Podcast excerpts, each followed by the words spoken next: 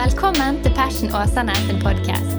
Vi har en ung og levende kirke i Åsane bydel i Bergen som ønsker å lede mennesker til lidenskapelig tro og overgivelse til Jesus, kirken og oppdraget. Takk for at du lytter til vår podkast, og vi håper du blir oppmuntret og utfordret i din etterfølgelse av Jesus.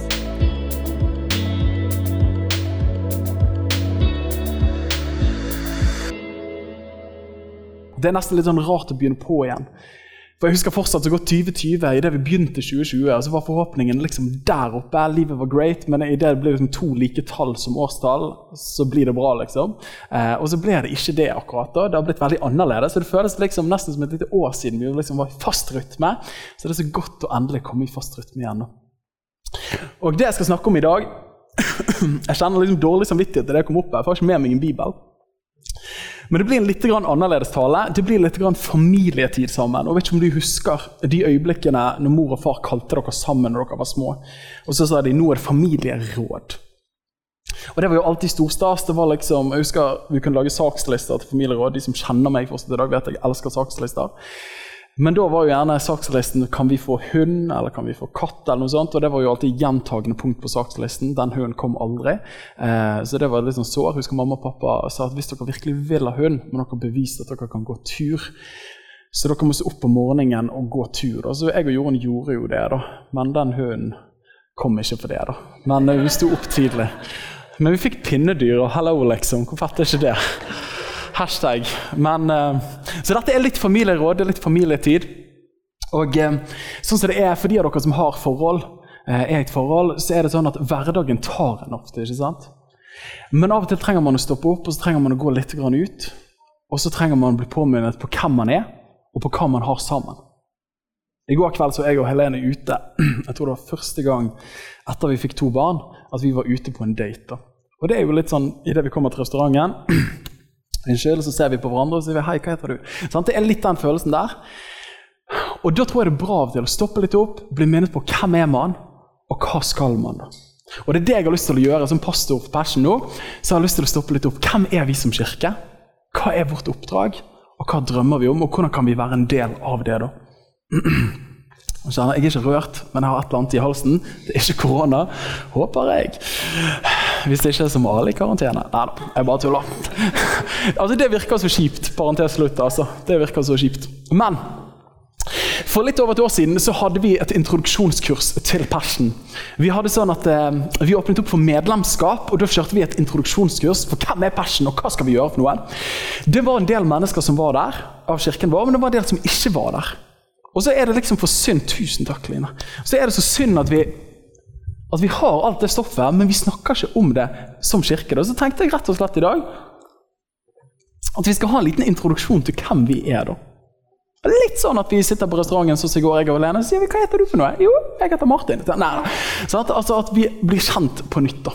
Så vi skal zoome litt ut, og så skal vi se på det. Så det blir litt forelesningsaktig siden jeg har denne her, men jeg håper dere bærer med meg med det. da. Men la oss be en bønn, så det blir en preken. Jesus, tusen takk for disse øyeblikkene her. Herre, jeg takker deg for lovsangen. Jeg takker deg for fellesskapet. Jeg takker deg for relasjoner og personligheten som er representert i denne vakre buketten av mennesker som du former i denne bydelen. Herre, jeg ber for de øyeblikkene vi deler, at det ikke først og fremst skal være våre smarte tanker og formuleringer, men at vi skal få lov til å kjenne her at du gjør noe i åsene, og du inviterer oss til å være en del av det. Be om det i ditt gode navn. Amen. Amen. Jeg skal snakke under disse overskriftene her. Hvorfor Passion? Hvem er vi? Hva gjør vi? Og hvordan være med? Og jeg skal gjøre det fort. Hvorfor Passion? Hvorfor menighet i det hele tatt? Kirken er sendt til verden. Kanskje en av de mest velkjente versene som vi kjenner til gjennom hele historien, i hvert fall blant oss evangelikale kristne, så er det Johannes 3, 16. Og Det tror jeg kanskje er det første verset jeg vokste opp med å lære, for utenom Lukas 1,37, og der står det så mye som Ingenting er umulig for Gud. Eh, og Det vokste jeg opp med sammen med Johannes 3, 16. Men Johannes 3, 16 er jo et fantastisk vers, og det er Bibel i et nøtteskall. Det er hele den store drama komprimert i noen få setninger og ord. da. For så høyt Nå står ikke det her, men for så har Gud elsket verden. Jeg synes det er fantastisk. Mennesker kan ha mange innvendinger til hva kristen tro er for noe, men skal du koke ned til liksom kjernen Det begynner med 'for så høyt har Gud elsket'. Nei, men For så høyt har Gud hatet eller dømt eller fordømt. Nei, nei, nei, nei, det er ikke det som er greien. For så høyt har Gud elsket verden. At han sendte sin sønn, den enbårne, for at verden som tror på han, ikke skal gå fortapt, men for å ha evig liv. For å ha evig liv. Hva er greien her? Jo, Kirken er sendt til verden. Så man ser at Gud har et hjerte for sin skapning, og så sender han sin sønn til verden. Men på slutten av Jesus sitt virke så sier Jesus i Johannes 2021 og følgende Igjen sa Jesus til dem, fred være med dere. Som min far har sendt meg, utsendt meg, sender også jeg dere. Da han hadde sagt dette, åndet han på det, han hadde nok tatt en tyggis først, og sa ta imot Den hellige ånd. Ta imot Den hellige ånd. Er dere med? Gud er her. Han har en skapelse der borte, en verden, en menneskehet som har kommet på avstand. Han elsker dem, og han sier jeg kan ikke være passiv med de som jeg elsker. Så Gud kommer. Av og til tenker vi at Gud liksom tenkte jeg er glad i det, men jeg sender sønnen min, PA-en min, liksom, til å fikse de greiene der. Men sånn at vi tror på en treenighet, så Gud kommer sjøl i sin sønn. Sånn? Og så tenker vi at Jesus kom, men på slutten av Jesus' virke så sender han oss igjen.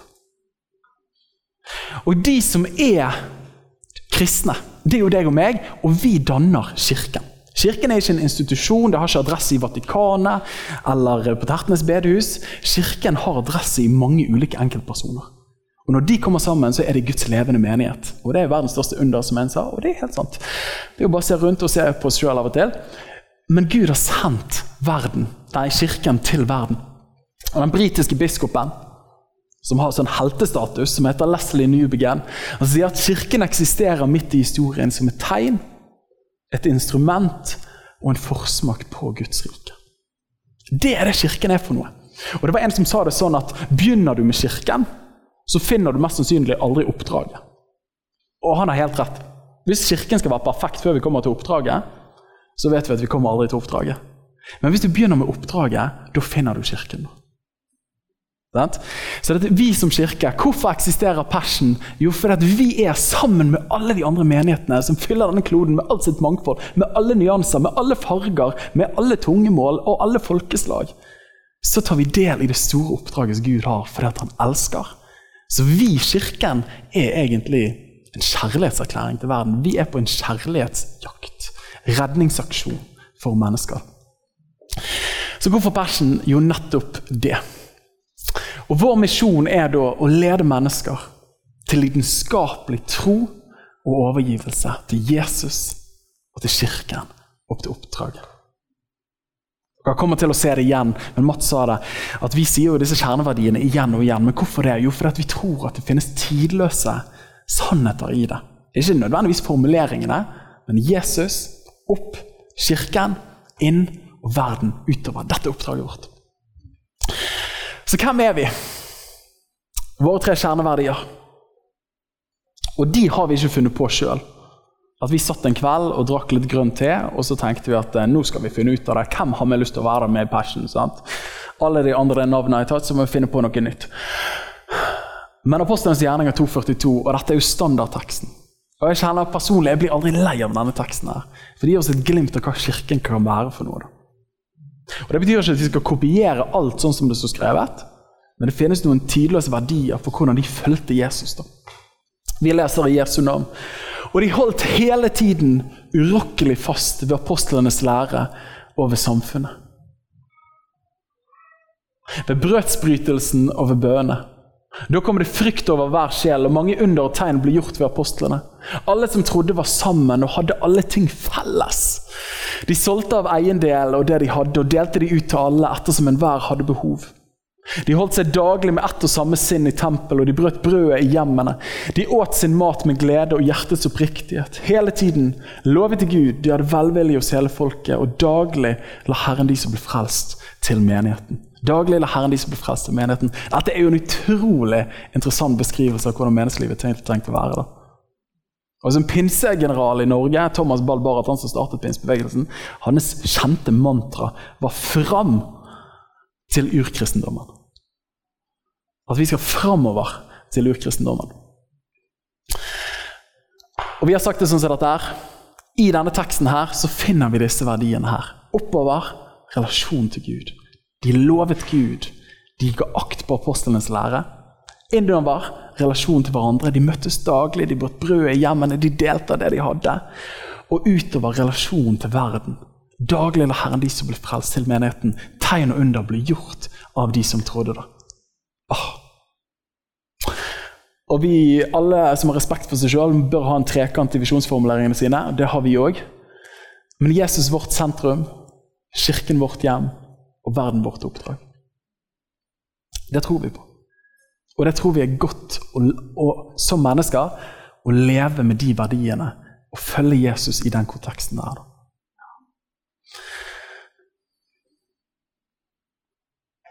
Vi har formulert det sånn som dette her i vår visjonsformulering. Jesus vårt sentrum. Vi ser en kirke med Jesus i sentrum, hvor Guds kjærlighet, Jesu nåde og Den hellige ånds nærvær er gjort tilgjengelig og kan erfares. En kirke kjennetegnet av lidenskapelig tilbedelse, troskap til Guds ord og overnaturlig kristenliv, som er inkarnert og kommunisert i kjærlighet. Nå får dere liksom hele innføringen her, men jeg tror det er bra.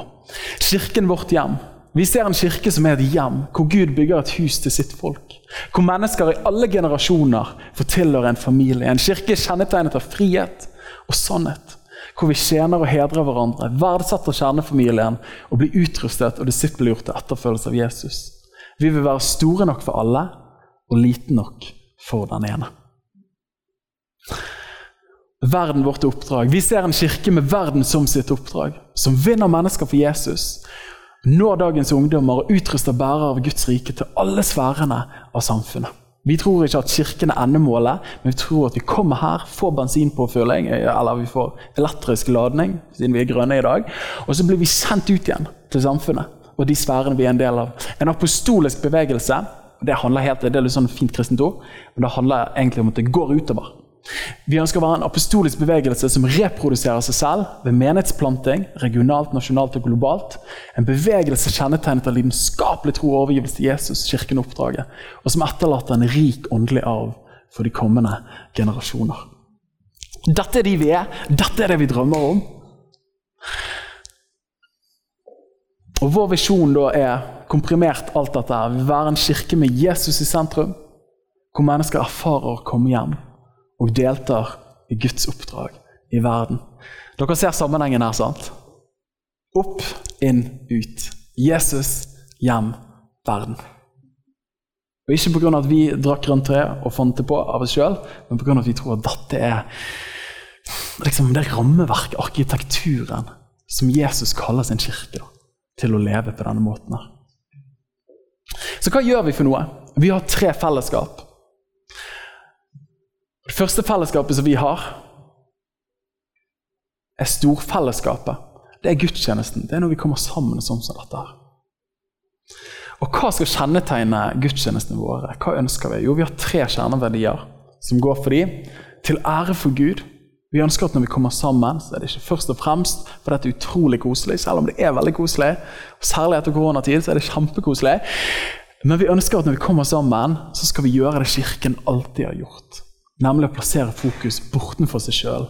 Nemlig på han som var, han som er og han som kommer. Han som gir menneskelivet mening. Han som gir menneskelivet håp. Han som er vår frelser. Og vi kunne fortsatt. Men vi ønsker med kirke når vi kommer inn i dette rommet, når storfellesskapet kommer sammen, så skal det være så tydelig hvem som er focal pointet, hvem som er peisen i midten, hvem som er sentrum av det hele. Da. Nemlig personen Jesus Kristus. Vi ønsker å ære Gud.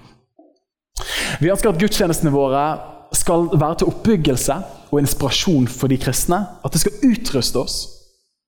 Det er ikke primært at det skal være underholdning, men at det skal få lov til å være utrustning.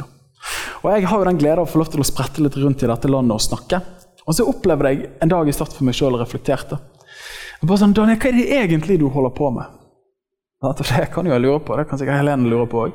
Eh, men hva er det du holder på med? Og så tenker jeg, Daniel, reiser du rundt og underholder? Og forteller masse vitser, og folk ler og syns det, det, var utrolig kjekt på møtet i dag. altså. Og eh, Vi alle har jo vært der, og vi pleier å tulle med det. Når du kommer på søndagsmiddagen, og så spør du ja, hva prekte de om på gudstjenesten i dag. Bare, det var sykt bra. Ja, hva var det han prekte om, da? Det var så utrolig morsomt.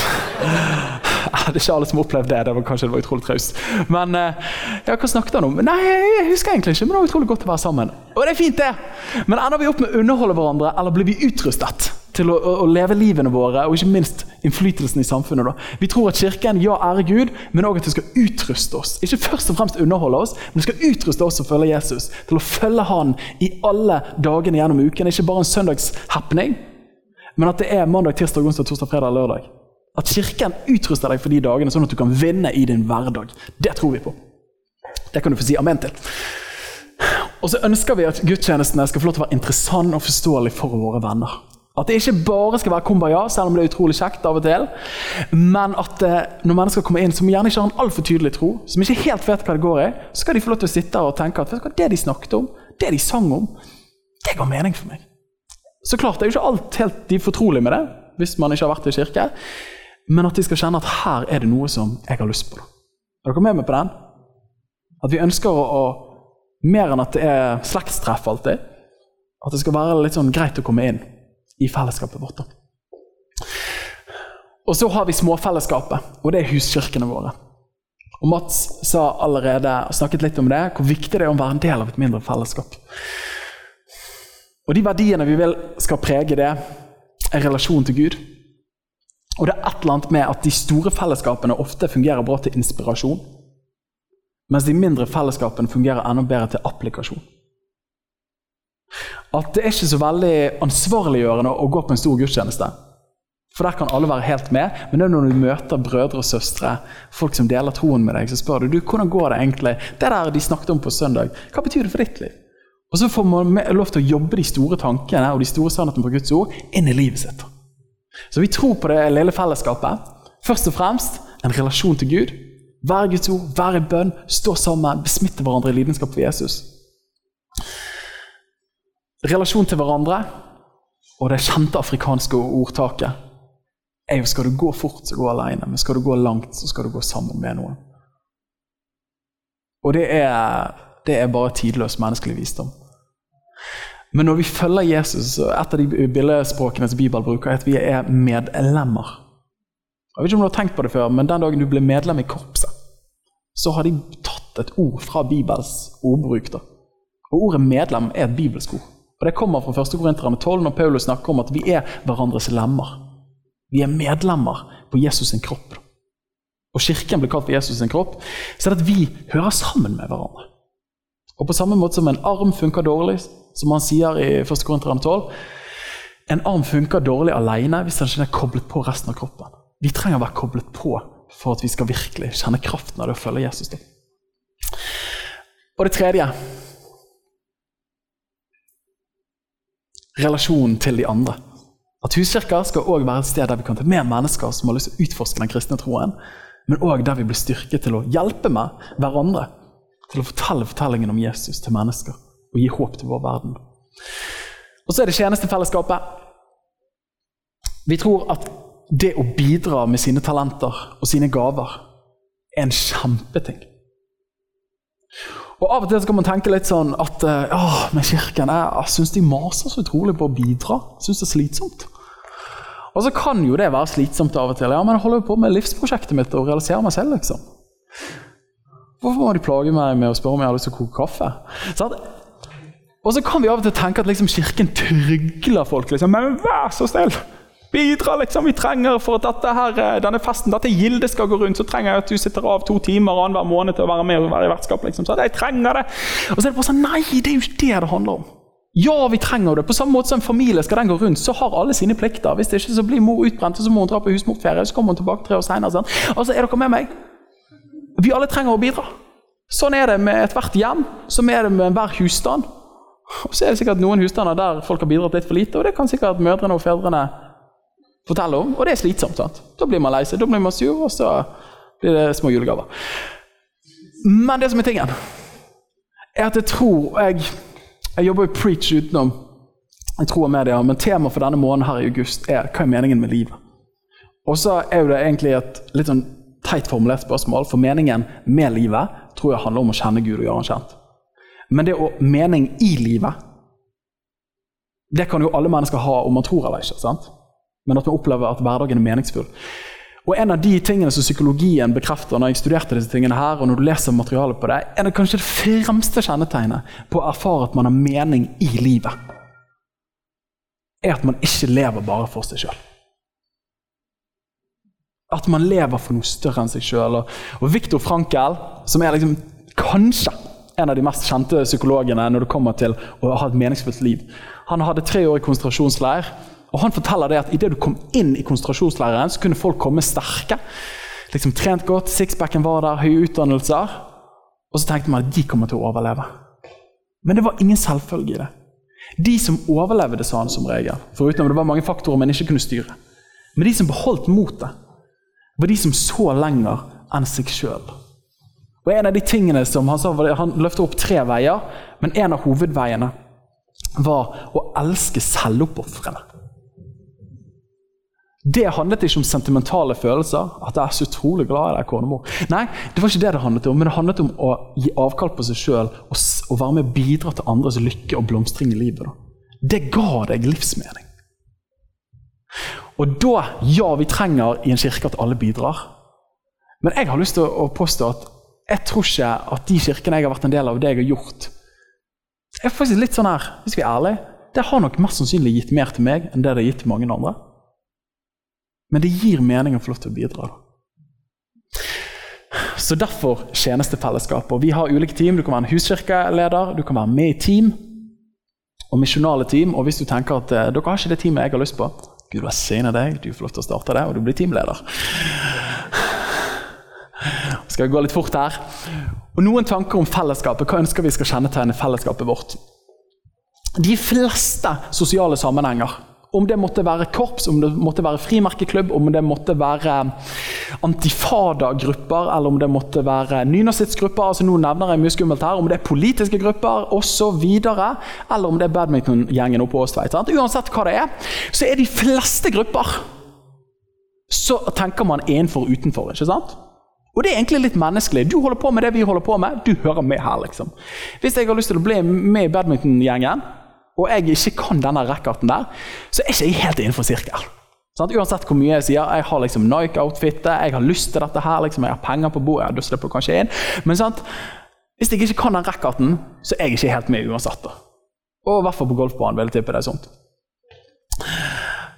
Det er derfor jeg ikke spiller golf med Mathias. Jeg takler ikke den avvisningen der. Mathias, Mathias, hvorfor har du forlatt meg? Um, og Så lett er det òg i kristne sammenhenger at vi leser våre samme bibler, vi kan de samme Hillsong-sangene, og vi kan liksom sjargongene. Vi har gått på søndagsskole, vi kan historien. Så kommer det noen inn som bare sier Hvem er David og Goliat, liksom? Er det han naboen, naboen på hjørnet fra Marokko? Sånn? Og så er ikke man helt med, da. Og da blir det litt sånn ja, men kult at vi er liksom, men du er ikke helt med, for du kan ikke språket, du kan ikke sjargongen, du kler deg ikke helt sånn som oss heller, det er litt for trange klær, osv. Og, så og det er helt naturlig, da. Men det som er så synd, er når kristne fellesskap blir enfor utenfor. Og Vi kristne kan kanskje bli det litt ekstra fordi vi har høye standarder på moral. Vi har høye standarder på hvordan man skal oppføre seg, hva det forventes å være en etterfølger av Jesus, som er gode greier ofte. Men når det blir kvalifikasjons, når det blir sirkel rundt, så er det så lett for å få en og utenfor. Og Det er derfor mange som ikke er kristne, tenker at dere kristne er så dømmende. Det er så trist! For vårt fremste forbilde var Jesus. Og jeg vil si at Sirkel rundt Jesus var så godt som ikke-eksisterende. Der har du fariseeren som har svart belte i tiende dan når det kommer til Moseloven, som faster og eh, gir almisser. Og Jesus spiser med dem. Men så har du liksom tolleren og synderen, og det er jo derfor fariseerne klikker helt mongo. Hva skjer her? liksom? Spiser du med tollere og syndere? Vet ikke du at det er en synder? Har du tatt inn i deres hus? Og Jesus bare sender den sirkelen som dere holder på med. Jeg holder ikke på med sånne sirkler. Og med Jesus så har du alle slags typer mennesker. da. Og da er det som heller kalles the centered set, som en mysjolog som heter Paul Hebert, som coinet disse uttrykkene her. Og En annen mysjolog som heter Alan Hirsch, han sier det sånn som dette. Vi kan enten være kirker, og han bruker et bilde fra australsk kvegdrift, som har gjerder rundt hele eiendommen. Og Det er grådig slitsomt, for de gjerdene må være store, og det er vanskelig å sette dem opp, og du må vedlikeholde dem, og så prøver alltid kyrne å rømme uansett. Eller så viser det seg innenfor kvegdrift at hvis du har en brønn i sentrum, der de der kyrne bare Jeg må dit, liksom. Sånn at Uansett hvor langt de kommer seg bort, og så bare kjenner de at en av de fire magene bare roper 'jeg tørst'. Og Da setter de kursen tilbake igjen til den kilden. Tar dere bildet? Jeg vil så mye heller være et sånt kristent fellesskap der vi har myk på kantene. Her kommer folk liksom som ikke vet hva det går i. David Goliat er naboen fra Marokko på gaten, så det er helt greit! Eller om man eh, og videre og videre røyker 20 eh, prinspakker om dagen. liksom, sant? Altså, Helt greit! Come on, liksom. Vi vil heller ha et sentrum som er kjempetydelig, der vi ikke går på kompromiss. Der Jesus får lov til å skinne. Og så vil folk skal bli så sulten på han at det skal være frist det vannet der. At man bare vil ha det. Så man kan bevege seg langt bort, men så bare kjenner man å, shit, jeg må på gudstjeneste, for jeg trenger Jesus Kristus. Er dere med? Et sånt fellesskap vil vi ha. Myke kanter, men sterkt sentrum. da. Vi ønsker òg en kjærlighetskultur. Og nå skal jeg være kort her, men dette er jo en hjertesak for meg. Men lett i kirkelandskapet at vi polariserer hverandre. ikke sant? Man får på den ene siden de som bare elsker 1. Korinterne 12, og det handler om nådegaven. Så bare sånn, ja, Hvilken nådegave har du, da? ja? Evnen til å tyde ånder. Liksom, og så deler man ut sånn premier til hverandre alt etter hvilken nådegave man har. Og så blir det et sånn kraftfokus. Guds nærvær, Guds kraft, herlig lovsang, mange timer i lovsang, ettermøter. og mange flere artige, karismatiske påfunn som vi alle har vært borti, og vi liker det. Sant? Altså de tingene der. Og så har du de kirkene, og så har du de på andre siden som bare sånn Hva er det dere holder på med der borte, liksom? Det er jo bare helt bananas. Det dere ruller Holy Rollers og Fire Tunnel. Hva er Fire Tunnel for noe? sant? Og så holder vi på med masse greier der. og Dere har flagg på scenen og alt slags mulige greier. Og så skjønner ikke de greiene der. Og så sier de men det det handler om, er at vi må snakke et språk som folk forstår. Vi må gjøre troen relevant. Vi må applisere de bibelske sannhetene til mennesker som ennå ikke tror så mye, sånn at det gir dem noe i hverdagen. Vi må jo være forståelige for dem. Og er ikke dere enige at Det er jo ganske smart, det òg. Og gjennom min tenåring og ungdomsår sant? Nå kommer jo jeg fra den kroken der, karismatiske kroken. Men etter hvert så ble jeg litt sånn at for når jeg hører på disse, så gir det kjempemening. Det de sier jo at enda flere folk kommer til troen. Vi som hadde liksom masse kraft og greier. Men så er det akkurat som men jeg blir ikke helt fornøyd med bare fine ord og fine taler og polert lovsang. For disse her har jo en sånn brennhet, og de er, de er liksom, det er bestemødre som kan be. Sant? Og så er det bare sånn her Må jeg velge? Og da husker jeg for min del at Det ble så utrolig oppmuntrende når jeg leste i Korinterbrevet. Første kor 12 handler om nådegavene, kraften. Og Så kommer du til første Korinterne 14. Og Der sier Paulus folkens, når folk kommer inn på gudstjenesten Jeg vet jeg nettopp snakket om tungetallet, men du kan ikke bare sjakka bahaya hele tiden. Da, for Da vil folk tenke hva feiler de folkene der? Da må du bruke noen naturlige ord, sånn at de kan få med seg hva som skjer.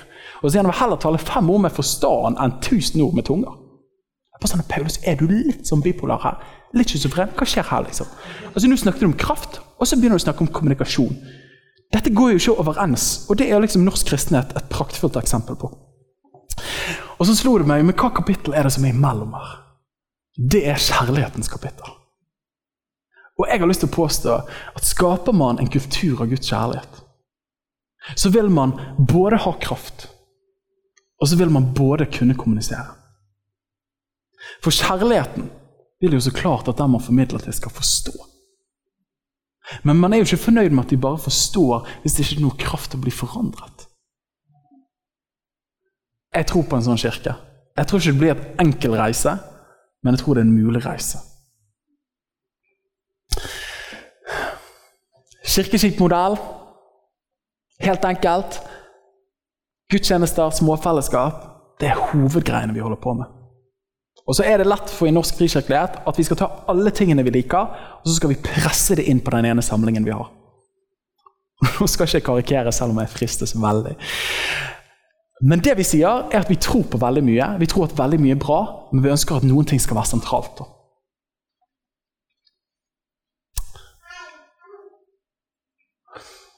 Og så vil vi ha en konsentrert kirke, og ikke en aktivitetskirke. Vi vil ikke at menighetssekretæren, som er god på Excel-ark, som er min kone, at hun skal organisere liksom, makronivået på alle livene i forsamlingen.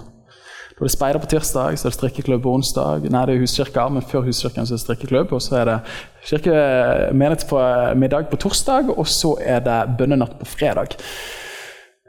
Og på lørdag så er det litt fri før det er gudstjeneste på, på søndag. Altså, noen kirker er jo sånn, og det funker veldig bra i lokalsamfunn der det er liksom det organiserende navet for alt som skjer. Men her inne er jo det altfor mange forpliktelser i utgangspunktet. Vi ønsker at menighet kan være et liv vi lever, og ikke noe som en menighetssekretær organiserer for alle sammen. Så vi ønsker å være gode på gudstjenester og småfellesskap. Det er de to tingene vi gjør hovedsakelig. Og bønnemøter litt. Grann. Og så blir alt et pluss utenom det. Så hvordan kan du være med? Nå går vi inn for en ende her. Hvis du vil være medlem, så er det de som følger kulturen. Det er de som sier jeg er enig med tros-, visjons- og læregrunnlaget i forsamlingen, men jeg er ikke nødvendigvis veldig aktiv. Og Så har du steget opp. Det er de som er partnere. Og Dette handler ikke om at man er innenfor eller utenfor, at man er bedre eller ikke bedre. Dette her er faktisk bare en konkretisering av at folk kan velge seg inn så mye man måtte ønske. Partnere er de som lever kulturen. De er med i team, de er med på gudstjenester i smågrupper, de er med å bidra økonomisk til familieøkonomien i kirken.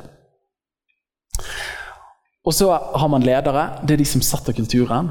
De som sier at 'jeg vil ikke bare være partner, men jeg har lyst til å gi litt ekstra av min fritid'. Jeg har lyst til å gi litt ekstra av min kapasitet til å være med å bygge kirken enda mer. Og Det er ikke noe som er bedre eller dårligere, men av og til har man ulike livsfaser som tillater ulike ting, osv. Så, ja. så hvis ikke du er medlem, hvis ikke du er koblet på på et vis, så har jeg lyst til å oppmuntre deg til å bli medlem eller partner i fellesskapet. Bare kom til meg hvis du har spørsmål om det. Så kommer vi helt sikkert til å snakke mer om dette. Så dette var kort. Hvem er vi? Hva gjør vi? Og hvordan kan man koble seg på? det? Amen. Takk for at du lyttet til vår podkast. Hvis du synes den var bra, så del den gjerne med noen flere. Vil du vite mer om hvem vi er, hva som skjer, og kanskje besøke en av våre gudstjenester, se vår nye hjemmeside på fashionåsane.no, eller følg oss på sosiale medier. Helt til slutt, ta imot Herrens velsignelse. Herren velsigne deg og bevare deg. Herren la sitt ansikt lyse over deg og være deg nådig. Herren løfte sitt åsyn på deg og gi deg fred.